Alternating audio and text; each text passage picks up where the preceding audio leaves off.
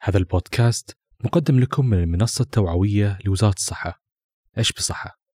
إننا سنواجه المصاعب بإيماننا بالله وتوكلنا عليه. وعملنا بالأسباب وبذل الغالي والنفيس المحافظة على صحة الإنسان وسلامته وتوفير كل أسباب العيش الكريمة له.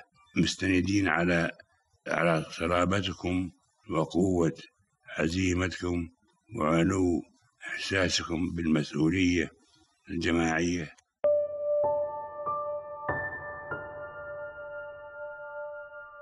عزيزي المستمع بفضل من الله ثم بالتزامك بإرشادات وزارة الصحة ستعود الحياة كما كانت. لكن أبقى حذر الفيروس لم يمت. أترك مسافة وكن مسؤول.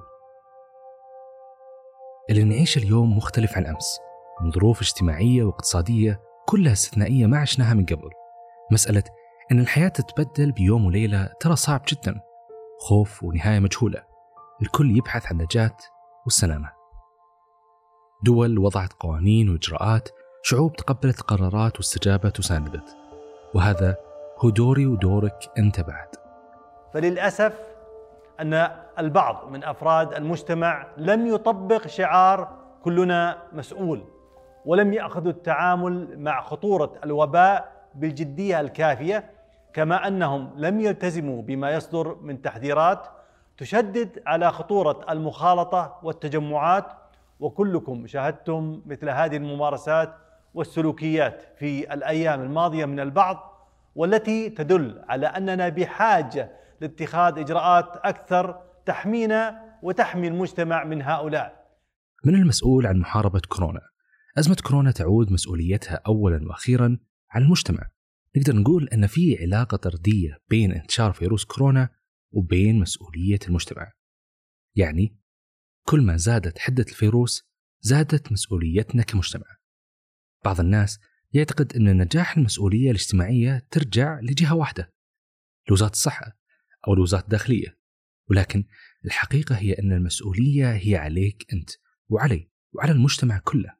من فرد لأسرة لمؤسسة لشركة لوزارات الجميع مسؤول. لأن أعمدة المبنى لو سقط منها عمود واحد اختل توازنه وسقط المبنى كله. بالضبط. المبنى هو المجتمع. ولذلك الحقيقة عادة المتطوعون خاصة من الجيل الشباب والشابات لا يبحثون عن المادة بقدر ما يبحثون عن يعني إيجاد أنفسهم أننا نحن هنا نستطيع أن نعمل وندير الحركة الاجتماعية والحركة التطوعية داخل المملكة. على الأغلب بمرحلة من مراحل الحياة يقدم الإنسان جهود وخدمات تطوعا دون مقابل. والحمد لله إحنا شعب بالفطره متطوعين ضيفنا لهذه الحلقة الدكتور سفر بتار المدير التنفيذي لمركز التطوع الصحي في وزارة الصحة. سألناه عن منصة التطوع الصحي وما هي؟ منصة التطوع الصحي هي أداة. أداة تواصل فعالة بين التطوع والفرص التطوعية وبين المتطوعين. وبالتالي هي وسيط يمكن لمن يملك الفرص التطوعية عرضها على المنصة وكذلك المتطوعين الراغبين في العمل التطوعي يستطيعون التسجيل وفتح حسابات خاصة بهم على هذه المنصة. لكن من هم الفئات المستهدفة للعمل التطوعي في أزمة كورونا على المنصة التطوعية؟ الفئات المستهدفة نحن نستهدف جميع فئات المجتمع. من سن 18 سنة فما أعلى حتى سن 45 سنة. هذه الفئة المستهدفة نظرا لحساسية الوضع الحالي. الأزمة تتطلب نوع معين من من المتطوعين للتعامل معها، لا نريد أن نعرض عدد من المتطوعين للمخاطر خصوصا كبار السن أو الأطفال. لذلك إحنا نستهدف كل فئات المجتمع سواء متطوع صحي أو غير صحي، تركيزنا الأكبر على الممارسين الصحيين وطلاب الكليات الصحية. إذا كنت حاب تعرف الكثير عن منصة التطوع الصحي راح نضع رابط المنصة في صندوق الوصف. هذه الأزمة هي فرصة للعطاء لأن الوطن والمجتمع يحتاجك. كم لها المنصة إلى الآن وإيش هي الإحصائيات حاليا لها؟ بالنسبة لمنصة التطوع الصحي لها الآن قرابة شهر. عدد المسجلين عبر هذه المنصة حتى الآن يزيد عن 158 ألف متطوع. عدد من أنهوا البرنامج التدريبي وهو متطلب أساسي للقبول النهائي في المنصة. قرابة 83 ألف متطوع حتى الآن. فهذه الأعداد طبعا قرابة 45% من إجمالي المسجلين هم من الممارسين الصحيين والبقية متطوعين غير صحيين. المسؤولية الاجتماعية هي ثقافة أخلاقية وسلوك حضاري مجتمعي يعزز من مفهوم التكافل والوحدة يعني اللي يضر جاري راح يضرني ويضر باقي الجيران لأن كلنا واحد. في أزمة فيروس كورونا تعلمنا كيف نخفف عن بعض ألم الخوف والوقت الطويل من التباعد. كم منا ما شاف أهله أصحابه يمكن البعض حتى ابنائه. الأوقات الصعبة تبين معادن الناس. مثل ما الأفراد بادروا وتطوعوا في هذه الأزمة كذلك الشركات كان لها دور في المسؤولية الاجتماعية وحتى بعض الجهات الحكومية وغيرها. كلهم قدموا مواد تعليمية أو ترفيهية وحتى توعوية. اللي تثري حياة المجتمع في وقت الحجر المنزلي. طبعا لا يخفى على الجميع أهمية العمل التطوعي وأنه يعتبر حل من الحلول التي يمكن الاستفادة منها وتمكينها وتطويعها للمشاركة في الأزمات والكوارث أيا كان نوع هذه الأزمة أو أيا كان نوع هذه الكارثة. نحن نستفيد من المتطوعين في عدد من المجالات نستفيد منهم في الحشود في الأزمات في الكوارث آه، في مناطق الاحتياج في قلة الموارد في أي يعني منطقة أو جهة ممكن يمكن الاستفادة من المتطوعين فيها. آه، أنا أتكلم بشكل عام. لكن فيما يخص هذه الأزمة نحن واجهنا بالعكس يعني تفاعل كبير جدا من من المتطوعين وواجهنا آه، رغبات متزايدة من المتطوعين للعمل التطوعي. بل إننا نواجه ضغط من المتطوعين لعدم إتاحة فرص تطوعية كافية تستوعب كل هذه الأعداد. وأنا لا أخفيك يعني إحنا نتحدث عن 83 ألف متطوع انهوا البرنامج التدريبي. ضيفنا الأستاذ يوسف الهدلول هو مدير إدارة التوعية بوزارة الصحة. في حديثنا معه عن التطوع التوعوي ذكر التالي التطوع التوعوي آه، هو امتداد آه، لمفاهيم آه، مهمة في حياتنا الدينية والاجتماعية. إحنا نعرف أنه الكلمة الطيبة صدقة.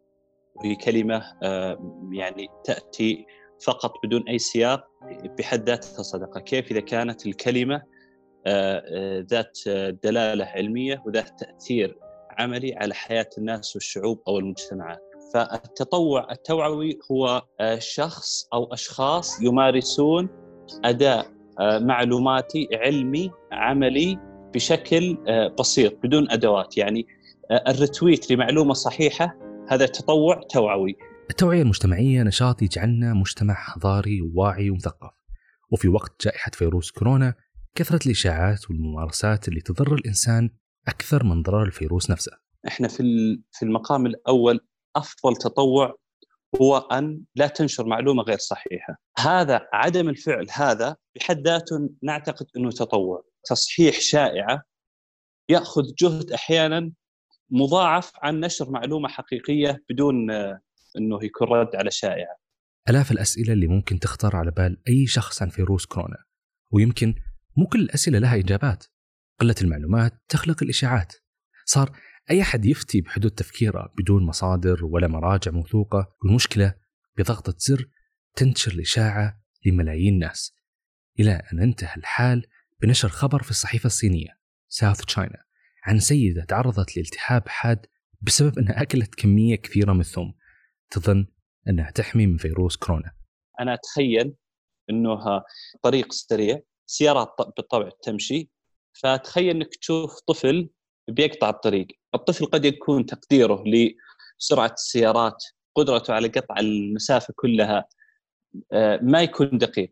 فتخيل إنك أنت تشوف هذا الطفل إنه ممكن يعبر الصوت فقط ممكن يخليه ما يعبر ويحفظ حياته فقط الصوت.